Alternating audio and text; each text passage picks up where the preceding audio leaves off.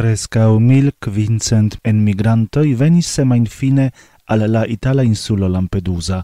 En la loca centro de registrado ca identigado de inmigrantoi estas kvar plida personoi ol disponeblai locoi. La migro ondo al Italio necesas, malgrau la facto, che la registaro de Giorgia Meloni proclamis la exterordinaran staton lige cun la enmigra minazzo. Dum la pasca periodo, la nombro de nelegalai inmigrantoi al Italio crescis ie 300 En Lampedusa trovigas civitanoi de Tunisio, Bangladesho, Etiopio, Marocco, Sirio, Sudano, Egiptio, Eburabordo, Eritreo, Gambio, Malio cae Nigerio. Lau confesso de iu e la nelegalai emigrantoi al la hom contrabandistoi oni pagas po 4.000 euroin.